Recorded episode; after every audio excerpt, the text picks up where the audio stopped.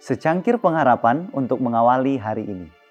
Renungan pagi tanggal 17 September karena rahmatnya tetap selamanya.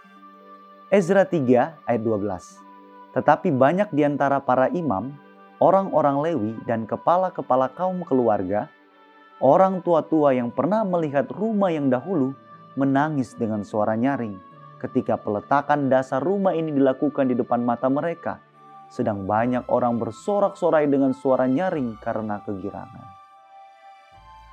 Pembuatan masbah untuk persembahan-persembahan bakaran setiap hari sangat menggembirakan umat sisa yang setia itu. Dengan hati yang bersungguh-sungguh, mereka memasuki persiapan-persiapan yang penting untuk membangun kembali bait suci itu, sambil menunjukkan keberanian ketika persiapan-persiapan ini bertambah maju dari bulan ke bulan.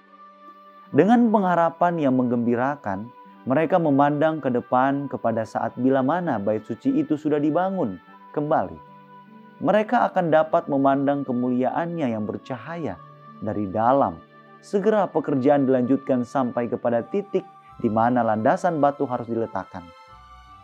Hal ini dilakukan di depan beribu-ribu orang yang berhimpun untuk menyaksikan kemajuan pekerjaan itu dan untuk menunjukkan kesukaan mereka dalam mengambil bagian dalam pekerjaan itu. Sementara batu penjuru diletakkan di tempatnya, orang banyak itu disertai dengan nafiri para imam dan ceracap Bani Asaf secara berbalas-balasan mereka menyanyikan bagi Tuhan nyanyian pujian dan syukur sebab ia baik bahwasannya untuk selama-lamanya kasih setianya kepada Israel. Doa kita hari ini.